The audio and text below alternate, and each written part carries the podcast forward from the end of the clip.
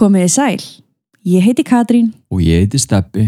og í dag ætlum við að segja ykkur draugasögu. En áður en við hefjum sögu dagsins langar okkur að minna á áskriftasíðan okkar patreon.com skástrík draugasögur. Eins og þau vitið þá höldum við úti tveimur hlaðarpum. Það eru draugasögur podcast sem þið eru að hlusta á núna og svo sannar íslenska draugasögur. Samanlagt eru þarna á ferðinni yfir 100 sögur sem eru aðgengilegar á öllum hlaðvarpsveitum frítt. Þið hafi líka eflust tekið eftir því að auglýsingar er í algjöru lámarki hjá okkur. Við höfum einfallega gefið þessa þætti út án endurgjalds vegna þess að við erum verulega brennum fyrir þessu málefni og viljum segja ykkur þessar sögur. Það eina sem við byggjum um í staðinn er að þið fylgið okkur á ykkar hlaðvarsfeitu og hlustið. En við gætum ekki gert þetta án fólksins sem að stiður við bakið á okkur og skráir sér í áskrift. Það eru áskrifundur sem ger okkur þetta klift. Alla draugasögur sem við segjum fara meðal þessi, allir staðir sem við rannsökum og öll sönnunagögn sem við náum er í bóði þeirra. Við munum halda áfram að gefa ykkur sögur eins oft og við mögulega getum og á sama tíma vonum við að þið haldið áfram að skrá ykkur í áskrift til þess að styðja við hlaðurpun okkar og auðvitað fá aðgangað fullt af draugasögum, rannsóknum, viðtölum, sönnunagögnum og ég veit ekki hvað og hvað. Kíktin á patreon.com skástrík draugasögur og skoðaði áskriftarleðarnir sem eru þar í bóði. Engin binding og þú farið aðgang að öllu efninu strax við skráningu. Við erum stödd í Wyoming í Bandaríkjónum. Þar er að finna þjóðgarðin Yellowstone Park sem er risastór og bara svona til gamans þá er hann stærri en Rhode Island fylkið og Delaware fylkið samanlagt. Þetta er kannski ekki hinn típiski þjóðgarður heldur meira svona eins og Gullfoss og Geysir myndu hitta þingvelli hér á Íslandi. Í Yellowstone eru margir hverir, þá allavega 500 talsins og af öryggisástæðum er búið að smíða göngustík sem ferðamönnum er skilt að fylgja svo þeir fari sér ekki að voða. Því eins og við Íslendingar þekkjum þá þarf að fara varlega á svona svæðum.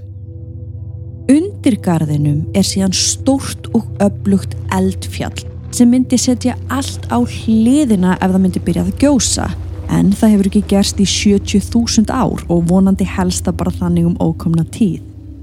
Við getum eflust gert heilan þátt um þennan stórglæsilega garð og allt sem honum fylgir en við erum komin hingað í öðrum tilgangi. Við ætlum að heimsækja eitt ákveðið hús sem er vinsæl gististaður fyrir ferðamenn. Þetta er brún skáli og í kringum hann eru há tré. Skamt frá má síðan finna Yellowstone stöðuvatnið.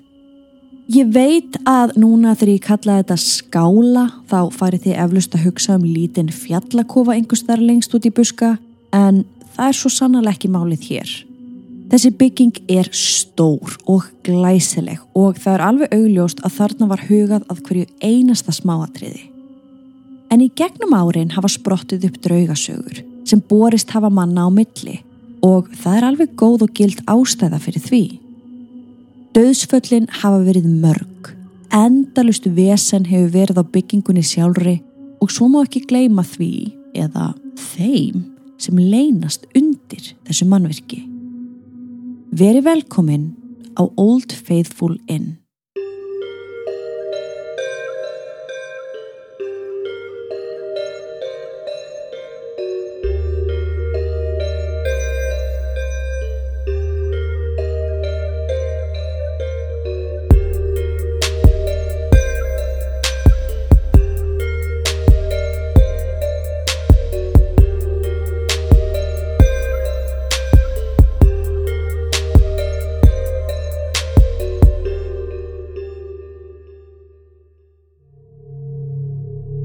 Við viljum minna á að draugarsögurnar okkar eru ekki við hæfi barna yngri en 13 ára nema með leifi fullorna. Og með því hefjum við sögu dagsins.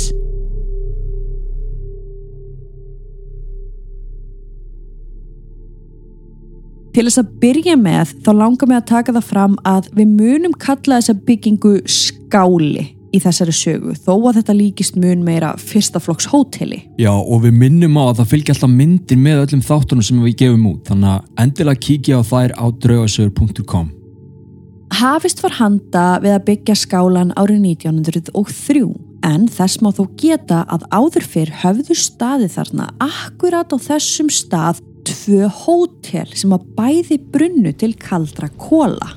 Vitum við eitthvað meira um þau? eða? Nei, ég veit í rauninni ekkert meira um þessi tvö hótel eða hvernig þau brunnu. Það er bara alltaf gaman að vita hvað var á svæðinu áður en okkar bygging var reist.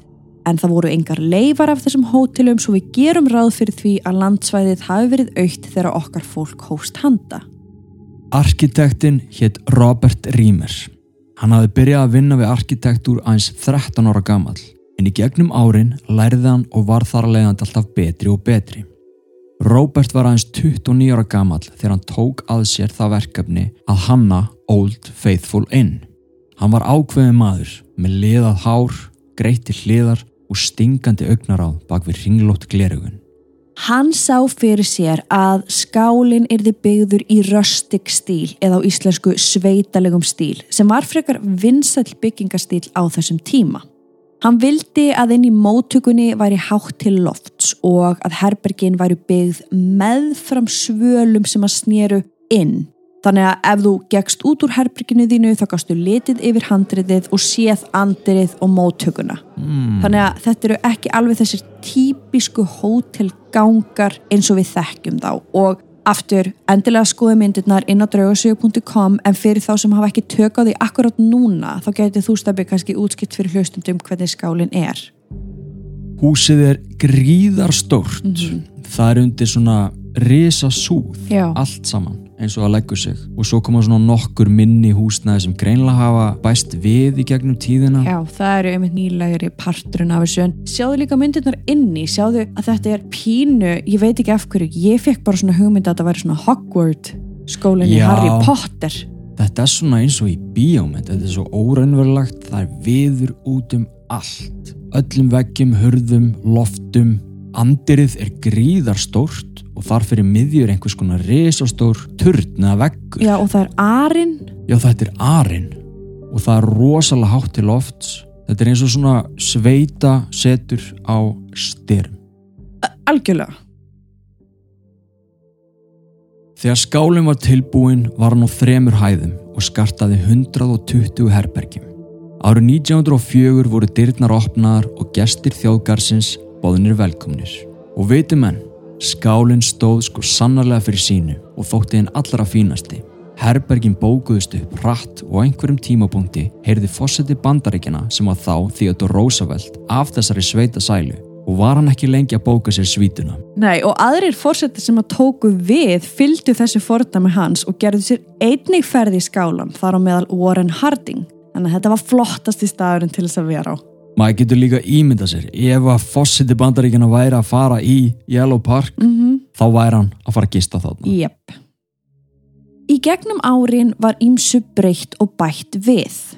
Ný álma, sem þú varst að tala um áðan, þú Mhm. þetta minna hús þarna sem er hliðin á, Já. hún var byggð við húsið, andrið var stækkað ennþá meira og veitingastæðanum var á endanum breytt í kaffihús. Svo miða við þetta allt saman þá er greinilega búið að sína þessari byggingu alla þá ást og aðtikli sem hún þarf til þess að þjóna sínum tilgangi. Og þessar framkvæmdir eru alls ekki ódýrar. En svo skellur setni heimstyrju öldin á og þá var Yellow Park þjóðgarðinum bara lokað eins og hann lagði sig og í leiðinni var hægt starfsemi í skálanum. Ó. Skálinn var síðan opnaður aftur eftir stríðið árið 1946 en auðvitað var það ekkert í toppstandi lengur og gæti við ómögulega að teki við jafn mörgum gestum og áður. Hægt og rólega tók skálinn þó við sér og þegar stjórnendi voru orðin nokkuð vissur um að starfsemin gæti ekki gengið betur braust út stór jarðskjálti Mhm. þarna á svæðinu sem allir miklum skemmtum og þá ekki bara á skálunum heldur fleiri húsum þarna í kring.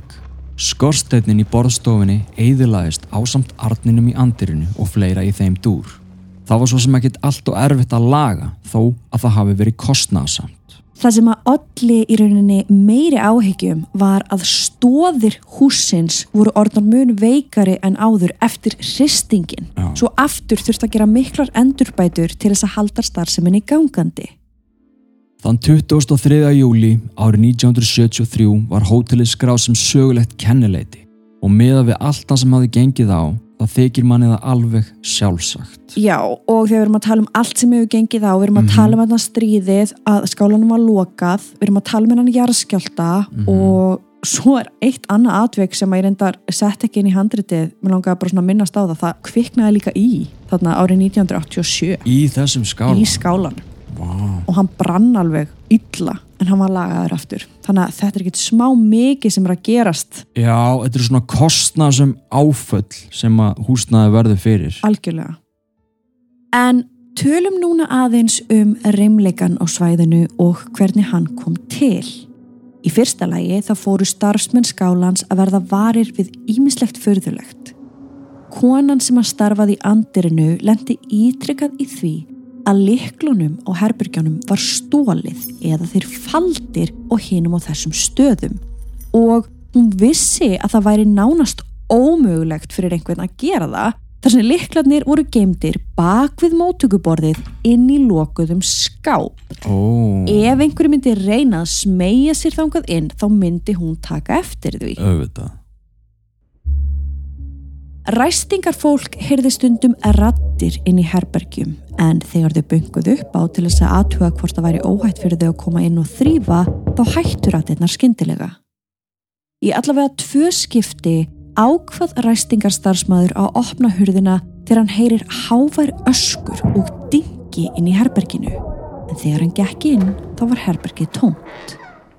Fótatök heyrðust inn í rýmum þar sem enginn var og stundum heyrðist í glösum og bollum inn á kaffihúsinu þegar að það var lokað og mannlaust. Líkt og einhver starfsmæður væri að ganga frá eftir daginn nema það var bara aldrei neitt á staðnum. Við erum að tala um ansi reymt hús. Já, og ég veit ekki alveg hvernig það kom upp en einhverjir starfsmenn taka sig saman til þess að finna upplýsingar um landi sem skálinn satt á. Því að ef að landið hafði á einhverjum tíðanbúndi verið heilagt indjánasetur þá væri kannski ekki svo fjari lægi að þarna væri á sveimi verur sem að þau sá ekki.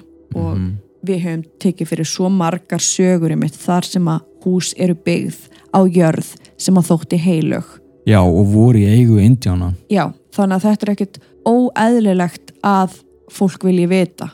Já, og það er greinlega mikið að gerast þarna og eiginlega það mikið að starfsfólki finnur sér knúið að grafa upp einhverjar upplýsingar.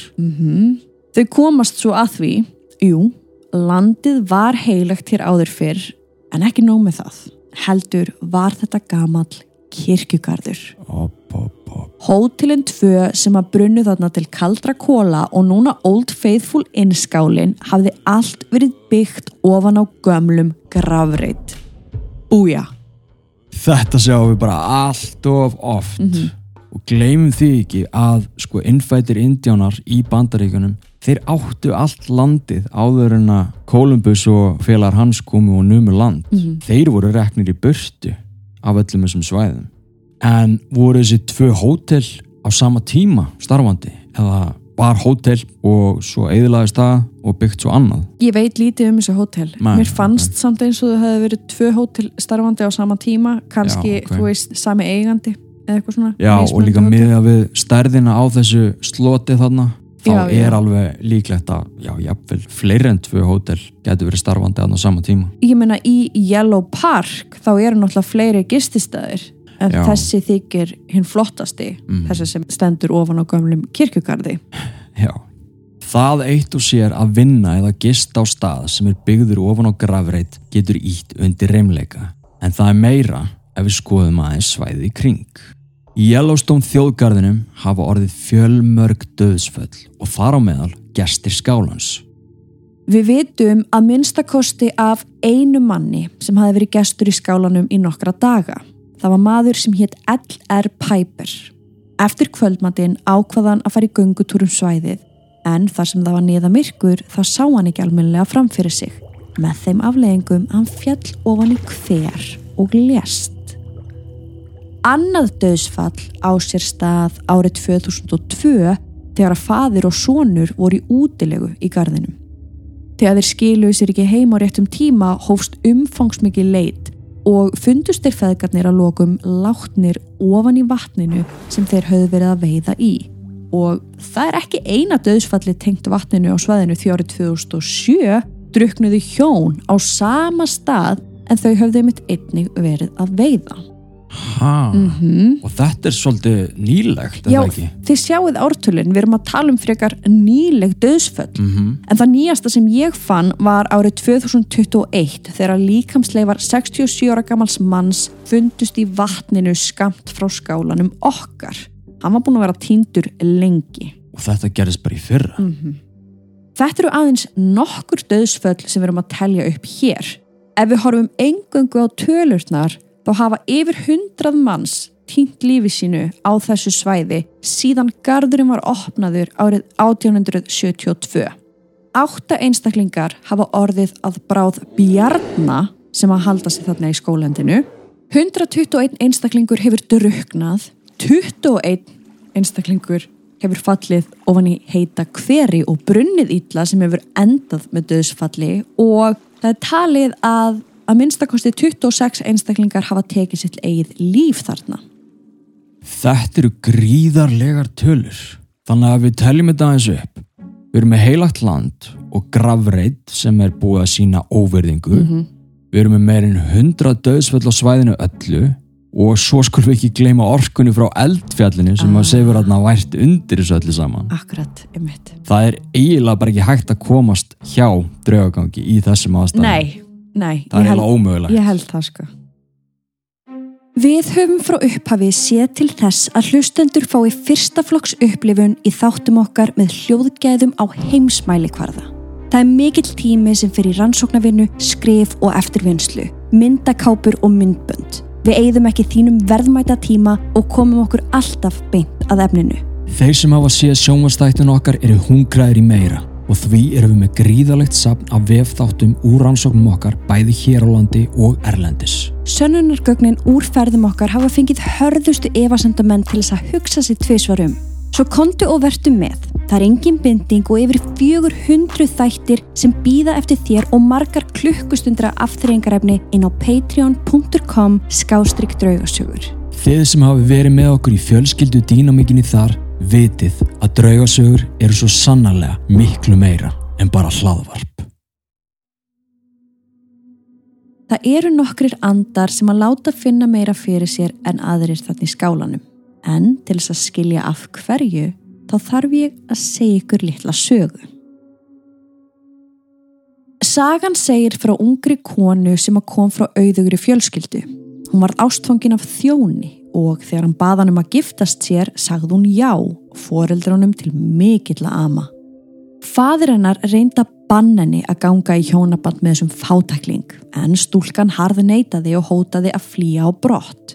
Að sjálfsögðu vildi fadirinn ekki ámyndi flýja svo á endanum ákveður hann að borga brúðkaupið og þar að auki þá gafa þeim veglega summu til þess að hefja sitt eigið líf saman svona þanga til nýji tengdasonurinn var í komin með vinnu og gæti séð fyrir þeim. Þannig að hann lagði að lokum blessun sína yfir þetta. En hann að- svona, Nei, hann nefnilega setti þeim eitt skilirði. ó, sem að hljómar kannski furðulega en hann hafði eflaust sínar ástæður. Hann vildi að ungu hjónin myndu flytja til Wyoming og snúa aldrei tilbaka til New York þar sem þau hefði átt heima. Hann hefur auðvitað skammað sín fyrir þetta hjónaband dóttur sinnar. Já, hann vildi ekki missa dóttur sína, hann Nei. vildi ekki að hún myndi flýja, Mhm. þannig að hann ákveður að, borga brúðköpið, gefa þeim hennan pening, en Já. þú veist, farið og hefi í líf ykkar einhvers þar annar staðar. Nema hvað að þau ákveða að fara í smá brúðköpsferðalag og varð skálin okkar góði fyrir valinu. En þá fyrir eigin maðurinn að sína á sér nýja hlið. Hann tekur peningin sem fadir konunar hafði gefið þeim og eyðir honum í fjárhættuspil. Hann tapaði öllum peningnum svo að þau höfðu ekki einu sinni efni á að greiða gistinguna í skálanum. Nei. Þau voru allslaus. Unga brúðurinn hefur því samband við föður sinn og segir honum alltaf létta og hún beður hann um að senda þeim pening til þess að allavega geta greitt fyrir gistinguna. En fadur hennar var ekki á því. Í staðinn senda hann henni lestarmiða til þess að koma aftur heim. Fara frá eigimanni sínum og byrja upp á nýtt í foreldrahúsum. Þetta er strempin staða. Mjög. Það virðist vera að unga konan hafi ákveðið að verða að vilja föður síns og hún segir eigimannin sínum það að hún vilji skilja við hann og fara aftur heim. Hann brást reyður við því án hennar átti hann auðvitað ekki neitt. Þau enduðu í heiftarlegur yfirildi sem aðrir gestur skálans gáttu heyrt greinilega þegar þeir gengu fram hjá herberginu. Þegar að konan ætlaði svo að fara ræðst maðurinn á hana og drepur hana. Við vitum ekki alveg af hverju en hann ákveður að saga eða taka af henni hausinn Ha? og taka hann með sér þegar hann yfirgaf herbergið í fúsi. Býtu, býtu, býtu, ha? Ég veit ekki hvern hann gerði það, mér langar ekki til að vita hvern hann gerði það en hann allavega Mér langar að vita það tekur af henni höfuðið og tekur það með sér. Bara í göngutúr bara burt. Eftir þetta sást ekki meira til ungu konunar en þar sem að hún hafði ekki tjekkað sig út þá var hún samt greinilega ennþá á staðnum. Á endanum fengur ræstitaknar nóg svo þeir opna hurðina og kalla en enginn svarar. Þegar starfsmaðurinn gekk svo inn á baðherbergi sá hann hauslust lík konunar ofan í baðkarinu. Líkamsleifarnar voru sendar til foreldrannar í New York og hún var grafin án höfuðsins. Höfuðinnar fannst að lokum í krákur hreyðri skamt frá skálanum og það er sagt að svipriði konunar væru enn sjáanlegt þar sem hún hafði greinlega dáið öskrandi. Það var því ákveðið að senda höfuðið ekki til fjölskyldennar. Þannig bara strax uppskrifta af reymleika Nefnilega og eigimaðurinn eða morðingin, hann fannst aldrei og þurfti því aldrei að gjalda fyrir það sem hann gerði eða að minnstakost ekki í þessu lífi. Þannig að hann bara slapp Já, hér ber þó að hafa í huga að þessi saga er til í nokkrum útfærslum þó svo að aðalatriðin séu nokkur með þau sömu.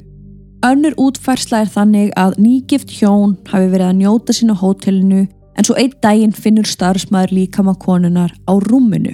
Aftur þá vantaði á hana höfuðið sem fannst á endanum í krákurheðri. Eigimaðurinn var flúin á brott og fannst aldrei aftur. Og þetta eru staðfest döðsföll Já, í gömlum bladagreinum eru þessi atriði talin vera rétt. Jú, það fannst lík í einu herberginu, það vantaði á það höfuðið, það fannst í hreðrinu og morðingin hefur aldrei verið fundin. Þetta verður valla óhugulegra Nei, Það er stundum sagt að þegar einhver brýtur svona alvarlega á annari lifandi manneski þá þurfi sá að gjalda fyrir það í næsta lífi. Og það getur oft verið með því að festast á milli heima og þá stundum einmitt á staðnum þar sem voðaverkið var framið. já og eins og í þessu tilfelli þá er talið að andi mannsins gangi þarna aftur í von um að finna eiginkonu sína til þess að geta beðana fyrirgefningar til þess einfallega að komast áfram yfir í næsta heim. Og það er hægt að líka þessu svolítið við kvítarniskála. Ah, já, það er Það rétt. sem að morðingin, sem sagt sá sem að drepur konuna, Mhm. hann er þarna líka inn í húsinu. Já, Þannig að bæði fórnarlampið og morðingin. Þetta er bara keimlíkt kvítarniskála. já. Og af því að maður getur líka hugsað sko, þetta eru náttúrulega stærstu áfullin í lífið þeirra begja. Já, já. Einn drepur einhvern, Mm annar er myrtur.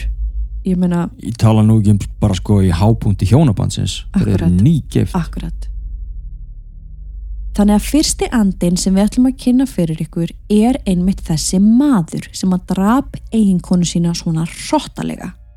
Eins og við sögðum á þann þá náðist hann aldrei og þurfti því aldrei að svara til saga og í rauninni þá vitum við ekkert meira um líf hans eftir að hann yfirgaf skálan. Ef við skoðum þann möguleika að andi hans sé fastur á milli heima, þá er alls ekkit svo ólíklegt að hann snúi aftur í skálan. Það hefur nefnilega sést til manns á svæðinu og þeir sem að þekkja söguna um brúðhjónin eru handvissir um að þarna sé eigimaðurinn á ferð. Hann er klættur gamaldags fötum og oftast sést til hans þar sem hann stendur og starir út um gluggan á efri hæðunum. Og það er ekki bara starfsfólk sem að sér hann, heldur gestir líka. Þó við séum ekki vissum að það sé ekki endilega allir sem að gera sér grein fyrir því að hann sé látin. Hann er þó ekki engungu fastur við gluggan. Gestir hafa séð til hans ganga á milli herbergja líkt og hann sé að leitað einhverju. Það er greinilegt að hann er eitthvað ringlaður og stundum heyrist hann taut eitthvað við sjálfan sig. Í allavega tvö skipti hafa tveir mismunandi gestir nálgast mannin til þess að bjóða hann um aðstóð sína, en þá gufar hann upp. Ég veit við myndumst aðeins á það áðan en sagt, skálinn er í rauninni tvískiptur í dag. Það Já. er þessi nýja álma og svo gamla húsið. Er stærra húsið, er það gamli skáli? Já. Veist? Já, ok. Herbergin eru mjög mismunandi á þessum tveimur stöðum og virðast andarnir aðalega halda sig í gamla húsinu þó að það hafi alveg sérst til þeirra í nýju álmunni. Það kemur ykkur kannski ekki óvart en hinn andin sem verðist vafra þáttum skálan er unga brúðurinn sem var myrt. Það er oft talað um að fólk sem að deyr snögglega í slisi eða á einhvern hrottalegan hátt eins og að vera myrt getur átt oft erfitt með að sleppa tökum á lífinu. Það er ekki alveg tilbúið í að sættast við örlög sín svo þau fá að vera hérna aðeins lengur til þess að klára það sem þeim finnst þau þurfa að klára. Og það virðist vera að brúðurinn okkar góða sé akkurat að gera það. Sérst hefur til konu í hvítum silki kjól ganga niður stigan á hótelinu. Það er svo sem ekkert óeðlilegt og eflust gæti maður haldið að svoleiðis andi falli inn í fjöldan á staðins og þessum. Nema hvað að þessi hvítklæta kona heldur á höfði sínu undir hendinni. Úf, Og muni hér, hún fekk aldrei höfuðu sér tilbaka. alveg rétt. Hún var grafin án þess og guðum á vita hvað var gert við það þegar það fannst í hreðrinu. Akkurat, við vitum ekkert um það. Nei. Það eru margar vangaveltur þegar kemur að spurningunni af hverju gengur hún þarna aftur? Er þetta residual orka sem að endur teku sig aftur og aftur? Eða er þarna ferðinni vitsmunalegur andi með eitthvað tilgang eða eitthvað markmið? Gæti verið að hún sé ekki sátt við hvernig rannsókn málsins var háttað og að eiginmaður hennar hafi aldrei verið ákjærður. -hmm. Og þess vegna í rauninni gangi hún upp og niður stegan í skálum brænfallega til þess að minna á sig. Mm. Bara hei, það er morðmál sem er óupplýst. Já, Líf mitt var hrifsað af mér. Af hverju er enginn að gera neitt? Þó þetta sig eldgamalt mál. já, það er rauninni bara frálegt að þetta hafi ekki verið rannsaka meira. Mm Sumir halda því fram að hún sé að leita að eiginmanni sínum Já, eða kenni sjálfri sér um hvernig fóra því að hún sem að vildi yfirgefa hann og þess vegna myrtan hana. Kannski er hún full eftir sjá að hafa ekki hlustað á ráðleikingar föður síns. Úst, við gætum velt þessu fyrir okkur endalaust. Jú, en það sem skiptir máli er að hún er greinilega þarna svæðinu sama hver tilgangur hennar er. Hún sést oftast eins og áður sagði í steganum en það hefur líka sést til hennar í gömlu brúðarsvítunni. Gestir hafa komið hlaupandi í móttökuna döðhrættir þar sem þeir segja frá hvítklættri konu sem sveifum herbergið þeirra. Hún hafi síðan farið inn á baðherbergið en þegar gesturinn leit ángað inn þá var engan að sjá. Þannig að hún er bara alltaf þarna á Já, í stiganum. og þarna í brúðarsvítunni. Já. Fyrir utan anda brúðhjónana þá eru þrýr aðrir sem að sést reglulega til. Veist, það eru eflust fleiri en Já. það eru þrýr aðrir sem eru svona, sem er algengast að sjá. Ok, Fyrst er talað um lítinn strák sem að kemur hlaupandi til starfsmannaskálans grátandi og spyr hvort að einhverju viti um mömmu sína. En þegar að starfsmæðurinn ætlar að spyrja drengin eitthvað frekar til þess að hjálpa honum, þá er hann horfinn. þannig að hann er vitsmunalegur. Býta þess, af Ok. því að sko, þessi drengur hefur byrst að minnstakosti fjórum mismunandi starfsmönnum og senan er alltaf eins. Mm. Hann kemur alltaf hlaupandi, hann er alltaf grátandi og hann spyr alltaf um mömmu sína. Ó, áhugavert. Það er nánast ómögulegt að segja hver þessi drengur er eða hvað hann er að gera þarna en það sem hann er að gera alltaf það sama það má svo sem alveg áætla að þarna sé á ferðinni residual reymleiki, hvað veist þér? Já, svo svona endurtekin Já, orka já. sem að spilast aftur og aftur. Já, ég held samt líka að hann sé bara, það gæti alveg verið að því hann er að fara til starfsfólks. Hann er ekki að hlaupa í áttina vegg eða eitthvað Nei, og byggði um aðstofa. Ég held að sé kannski bara að blanda af þessu sama. Einhver er residual en það hlýtur eiginlega að vera að einhverju leiti að þetta sé líka veitsmunulegt og hann sé bara alltaf í endalösi leit af mömmu sinni. Já, hann gæti verið að þetta sé í rauninni kannski bara tilviljun, hann sé ekki einu svona, hann sé bara alltaf að tala við einhvern sem að hann ekki endilega er einu svona að sjá sjálfur. það gæti verið, jú fattur þú hvert er að fara Já, hann það alltaf gæti verið þannig að þessi drengur gæti verið að hvíla í friði en þessi Mhm. magnaða hræðslutilfinning sem hann fann á þessum stað er hann lifði, er búin að síja sig inn í stóðir húsins Já. þannig að þetta er í rauninni först orka sem að spilast endurtekið. En ég skil út við, ég skil Já. pælinguna með að hann sé mitt alltaf að hlaupa að einhverjum lifandi og tala við einhvern sem er lifandi. En Já. það færi mig til að hugsa er hann samt að gera sig grein fyrir því? Hvernig hann er að tala við eða, eða hvort að hann hafi gert þetta þegar hann var lifandi, hann hafi Mhm. týnt mömmu sinni. Já, hann hafi hlaupið á einhverjum sagt nákvæmlega þetta og að það sé að gerast aftur og aftur. Veitum við hvort að þetta hús hafi verið rannsakað? Nei, það er ekki tekið fram. Nei. það sé bara eina legin til að komast til Mhm, bóts í Já, já. En svona rétt árum við kveðum strákin að þá höfum við oft talað um að maður eigi ekki að treysta draugabörnum. Jú, jú, af því að neikvæð og djöfuli fyrirbæri get oft dulbúið sér sem slík. En í þessu tilfelli þá eins og við sögðum áðan þá breytist senan aldrei neitt nei, hún er alltaf svo sama já, og því er mjög ólíklegt að þarna sé eitthvað neikvætt afl að störfum af Já. því að það myndi reyna hinn á þessa taktik til þess að ná aðtöklið þeirra lifandi meira, algjörlega já, já, já. það væri kannski meira ef einhver kæmi að inn og væri að óska eftir að tala við strákin og sérstaklega ef hann væri í residual orka Mhm. þá myndi bara einhver annar koma og svara fyrir strákin já, áttu við ef einhver myndi koma og rannsaka staðin og reyna að tala við, já, akkurat, Mhm. einmitt en er ekki fleiri segir Jú, síðan er það konan sem að stendur við rúmin. Aftur þá veit enginn hver þessi kona er eða hvað hún er að gera þarna. En svipað og strákurinn þá byrtist hún alltaf eins. Hún stendur við hliðan á rúminu og starir á þann sem að liggur í því. Tugir gesta hafa vaknað og séð þessa konu standa yfir sér en áður en þeir ná að spretta upp þá hverfur hún. Ég held að allir foreldrar kannist við þessa tilfinningu Ó já, þetta er svo spooky.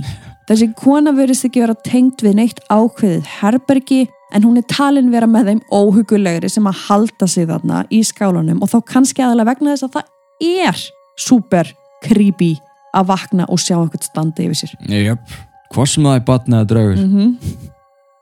Síðastur en ekki sístur er Indjáninn og það er talið að hann eigi gröf þarna undir húsinu og sé eflust ekki sáttur við að ró hans hafi verið raskað.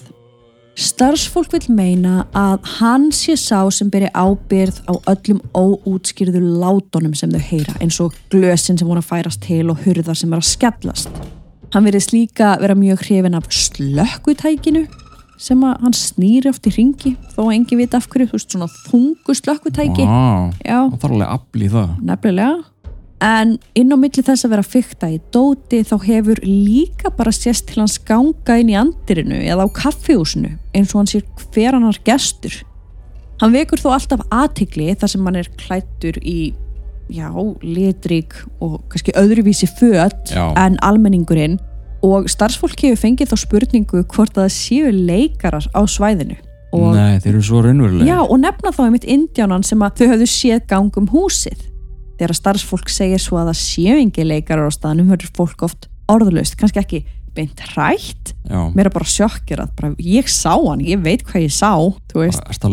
Þessi maður er búin að fram hjá mér hérna fimm sinnum, það verðist engin annars taka eftir honum samt.